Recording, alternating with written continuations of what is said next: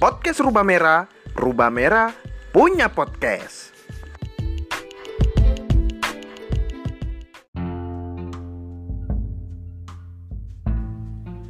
Halo, kali ini saya membaca buku kumpulan cerpen ikan-ikan dari Laut Merah karya Denarto yang diterbitkan di Vapres tahun 2016. Uh, buku ini merupakan antologi cerpen yang berisikan 19 karya. Salah satu cerpen di dalamnya menjadi judul buku dalam antologi kumpulan cerpen ini. Uh, semua pembaca cerpen Danarto saya kira tak akan berselisih dengan pernyataan Danarto merupakan salah satu maestro cerpen Indonesia. Meskipun Danarto dianggap sebagai seniman serba bisa karena beliau sebagai perupa sastrawan, penulis naskah, dan sekaligus sutradara panggung. Hmm, mengenai karya sastra dan Danarto memang kerap dikaitkan dengan religius dan sofistik. Begitu juga dalam buku ini yang akan kalian dengar. Bagi saya, karya semacam ini tidak banyak ditemukan di kasana sastra Indonesia karya Danarto mampu menghadapi perubahan dan gejolak zaman. Cerpen Jantung Hati menjadi pilihan pertama saya kali ini dalam buku Ikan-ikan dari Laut Merah. Selamat mengarungi lautan Danarto.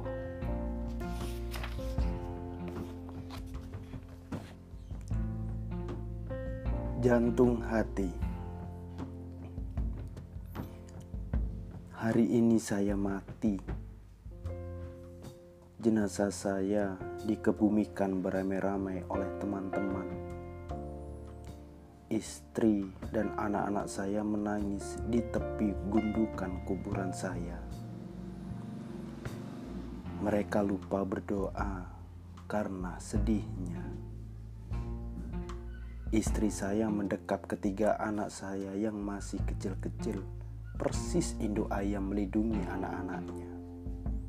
Banyak teman yang menangis juga. Mereka seperti tak percaya bahwa hari ini tubuh saya masih segar dimasukkan ke liang lahat. Mereka sangat kehilangan karena kepergian saya yang tiba-tiba dalam usia muda saya kena serangan jantung. Siang itu, saya memburu teroris yang baru saja meledakkan bom di sebuah mall. Kobaran api menghanguskan sebagian dinding dan langit-langit toko parfum. Korban-korban bergeletakan di antara bongkahan tembok dan pecahan kaca. Menurut para sopir yang beristirahat di lapangan parkir, ada seorang pria berjaket yang lari kencang keluar mall sebelum bom meledak. Saya yang setiap hari melewati mall itu kebetulan menyaksikan semburan asap dan api dan buru-buru mengejar teroris yang menurut saksi mata lari ke arah timur. Rupanya jantung saya tidak kuat lagi menanggung ketegangan. Putuslah perangkat itu, dan saya lantas duduk terkulai di belakang setir, tak bangun-bangun lagi. Baru saja saya menyadari telah berada di alam lain. Tubuh saya dan sejumlah yang lain berupa entah bersayap lentur, melenting-lenting, dan bersinar, melayang, mengalun, mengalun ke mana-mana. Lalu muncul sekuntum malaikat di depan saya. Kami lalu mengerumuni malaikat yang mematung itu. Tubuh malaikat itu dipenuhi mata yang bukan main banyaknya. Boleh jadi tak terhitung. Ribuan, Saya kira miliaran. Agaknya saya bisa membaca malaikat itu.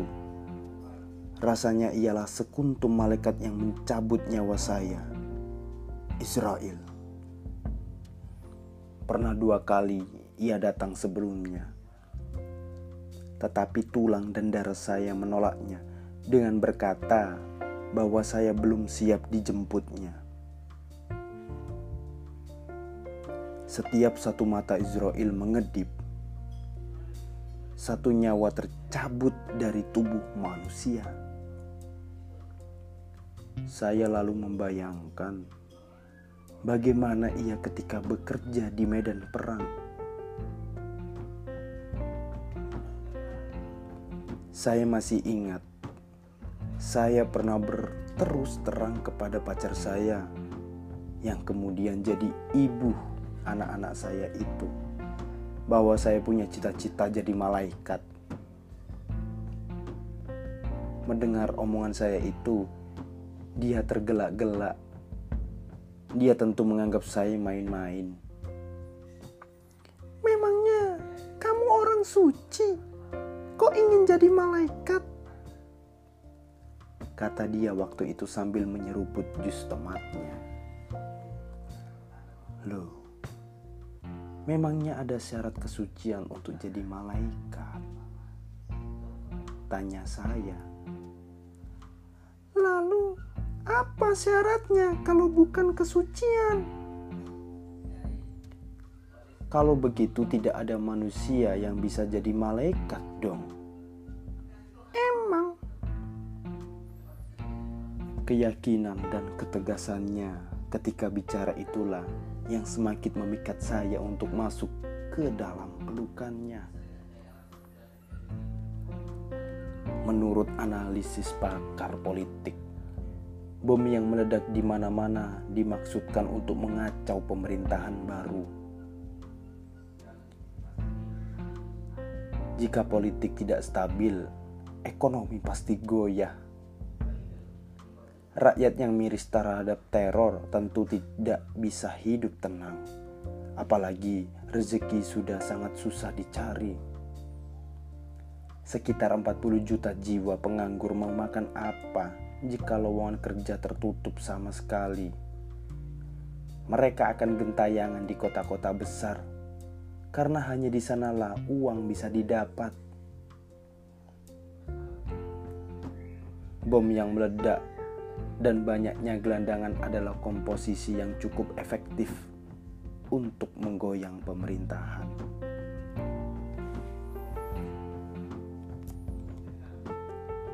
Mati bukanlah cita-cita saya. Siapa yang mau mati? Mati adalah ketakutan itu sendiri. Kebanyakan manusia tidak ingin mati saya yakin itu. Rata-rata manusia ingin hidup abadi. Kematian adalah jalan menuju pengadilan. Siapa mau diadili? Seorang yang hidup lurus selama tinggal di dunia juga tidak senang diadili. Saya yakin itu. Jadi, setiap manusia selama hidup di dunia harus mempersiapkan diri baik-baik dalam perjalanan menuju akhirat. Mengapa Tuhan menggunakan istilah pengadilan? Oh, alangkah sengsaranya manusia jika di akhirat kelak diadili. Siapa yang bisa lolos dari pengadilan? lebih-lebih lagi untuk bisa naik ke surga. Orang harus dicuci dulu di neraka karena tidak ada manusia yang terbebas dari dosa. Oh, alangkah seseng, alangkah sengsaranya manusia.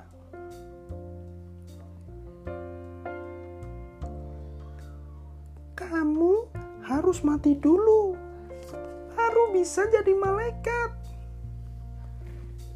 kata pacar saya waktu itu. Jangan begitu, kata saya.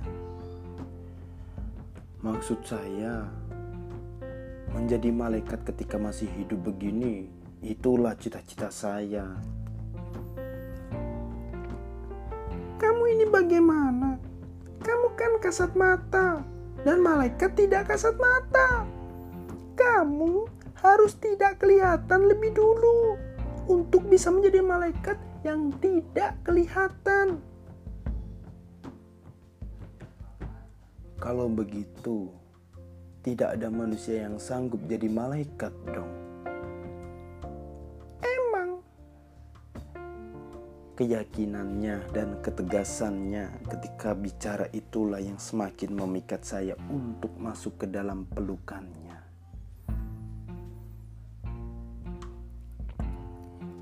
Tiba-tiba Israel lenyap, digantikan oleh sekuntum malaikat yang lain yang berbeda. Tubuh malaikat yang muncul tiba-tiba itu berubah-ubah bentuknya dari mawar, lalu melati, kemudian kenanga, lantas bunga matahari, lalu berubah lagi menjadi anggrek putih dengan sejumlah noktah berwarna violet, hijau, dan oranye. Kembang-kembang itu ukurannya lebih besar ketimbang manusia. Kadang mekar besar sekali memenuhi angkasa. Tanpa memberi isyarat, gerakan badan atau tangan, supaya saya begini atau begitu. Malaikat itu terus bergulir lurus. Tak juga menoleh ke arah saya.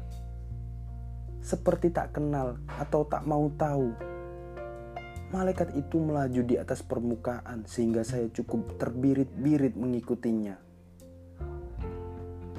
Alam sekeliling tampak berkabut, hening dan sejuk. Kabut itu cukup tebal, cukup menutupi jalan di depan sehingga keberadaan malaikat itu menjadi penentu arah jalan saya. Setiap ia bergerak ke depan, kabut itu menyibak, menggumpal ke kiri, ke kanan, menjadi dinding terowongan, memanjang. Ia seperti menuntun saya, tetapi juga menakutkan saya.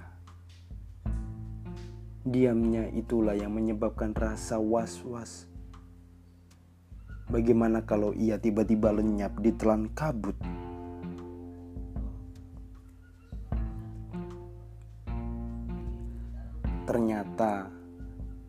Kematian itu membahagiakan, sungguh di luar dugaan. Kematian itu tak berbatas, luas, bagai cakrawala. Mengapa harus ditangisi? Jelas ini salah tafsir terhadap kematian. Sungguh seharusnya tidak diucapkan ikut berduka cita sedalam-dalamnya. Yang diucapkan mestinya ikut bersukaria semeriah-meriahnya. Karena yaitu tadi kematian itu membahagiakan dalam kematian bernapas lebih lega. Beban berat di hati terpunggah. Penderitaan hidup lenyap. Kematian telah memindahkan kesadaran ke alam lain. Kesedihan adalah penderitaan. Kematian bukan kesedihan bagi manusia, kematian adalah jantung hati, pujaan, pasangan kelahiran, hasrat utama kehidupan.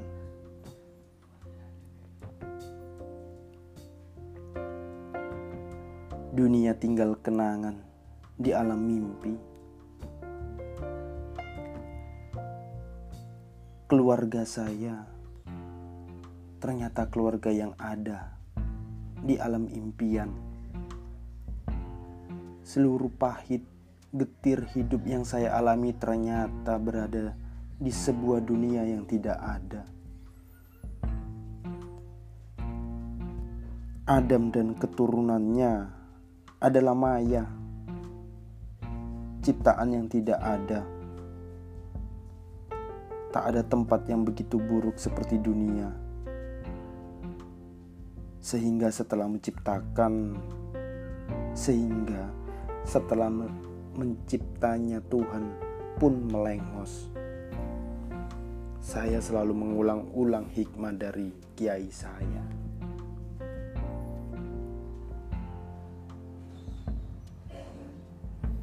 Serangan jantung adalah transportasi yang paling jitu untuk transformasi.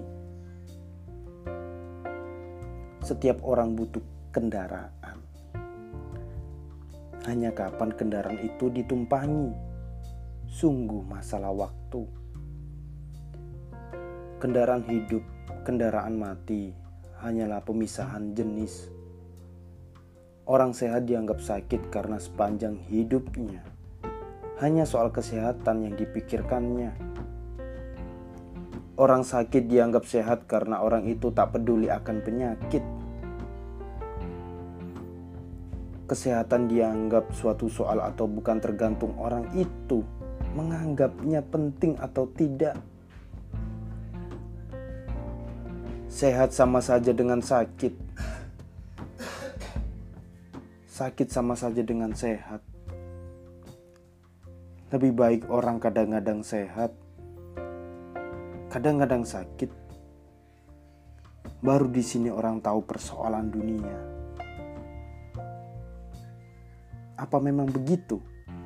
Saya mati karena penyakit yang saya dan dokter tidak tahu. Mengapa bisa demikian? Di dunia ini, segalanya bisa lolos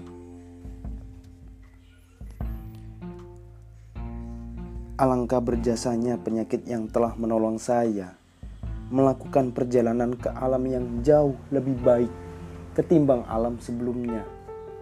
Apa memang begitu? Alam roh, alam rahim, alam dunia, alam kubur dan alam akhirat adalah lima alam yang wajib ditempuh oleh manusia dalam perjalanan hidupnya. Khotbah ini sering diulang-ulang oleh banyak kiai di dalam pengajian. Jika demikian, saat ini saya sedang menempuh alam kubur. Ketika menghadapi kenyataan di alam kubur ini, saya mendapati realitas yang berbeda, bahkan bertentangan dari tafsir para kiai. Masalahnya, pengalaman dan berita Bedanya seperti malam dan siang. Yang satu sudah mengalami alam kubur, sedang yang lain baru dalam taraf teori. Apa memang begitu? Seperti dalam hal berpakaian misalnya. Setiap orang berpakaian kan, kapan pakaian itu dilepas hanya soal waktu, Tubuh berfungsi sebagai pakaian, punya ukuran yang hanya pas untuk pemiliknya masing-masing. Tak bisa tubuh yang satu dipakai oleh orang lain, begitu juga sebaliknya. Jika terjadi yang demikian, muncul kekacauan, seperti kerasukan. Orang yang kerasukan tak mampu lagi memegang dirinya sendiri tak mampu mengenali pakaiannya lagi. Ke mana-mana kita memakai pakaian sehingga menjadi identitas. Tak tahunya malah menjadi beban. Selama hidup, kita hanya disibukkan oleh pakaian itu. Mengapa orang mau berpikir keras perkara pakaian? mengapa orang mau berpikir tidak keras perkara pakaian.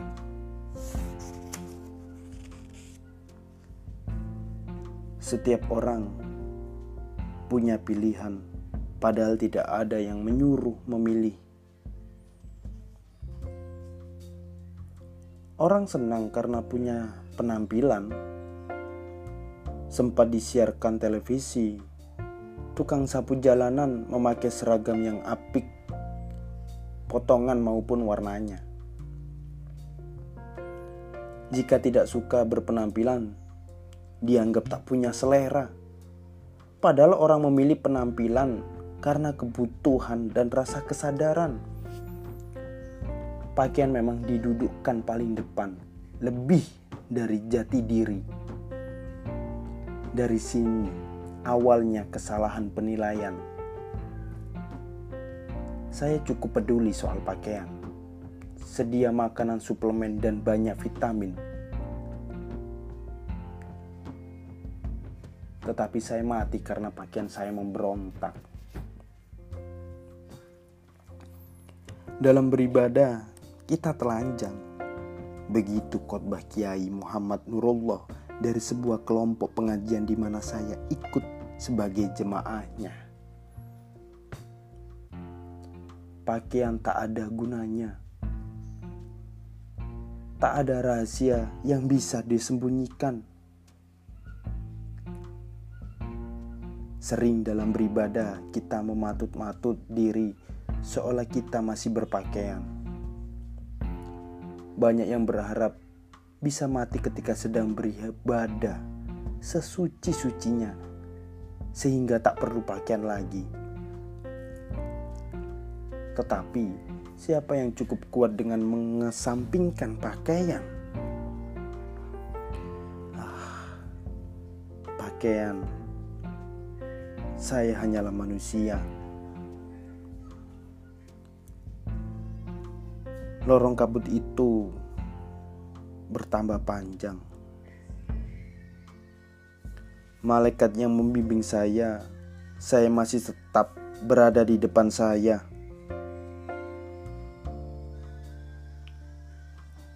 Karena saya takut sekali kalau-kalau dibawa ke neraka. Saya menyapanya. Ia tidak menjawab dengan kata-kata. Ia mengubah-ubah bentuk tubuhnya dari sekuntum mawar ke sekuntum anggrek ke sekuntum melati, ke sekuntum teratai. Aduh, indah sekali. Dengan jawaban itu, saya jadi GR. Saya tak bakal dibawa ke neraka. Saya tahu. Saya banyak dosa. Tapi siapa mau dicemplungkan ke neraka?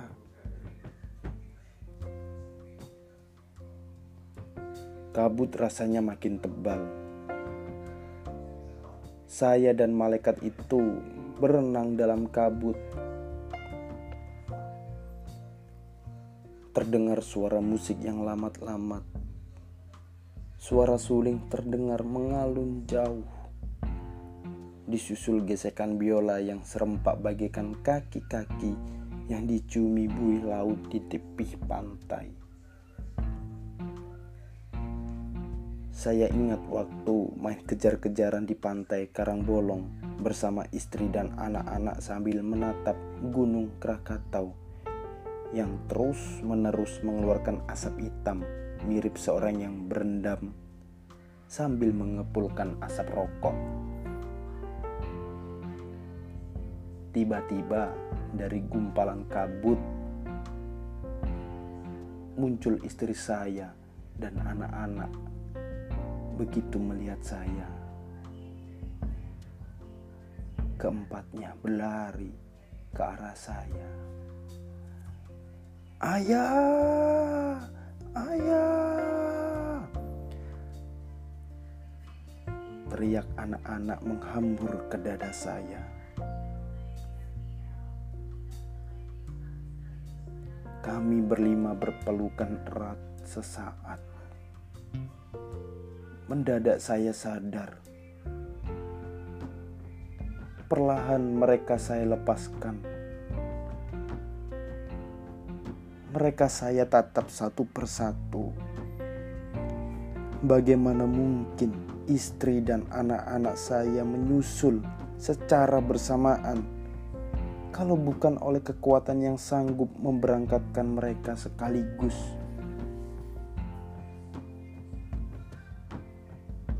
Tangerang, 12 Oktober 2000. Karya Danarto.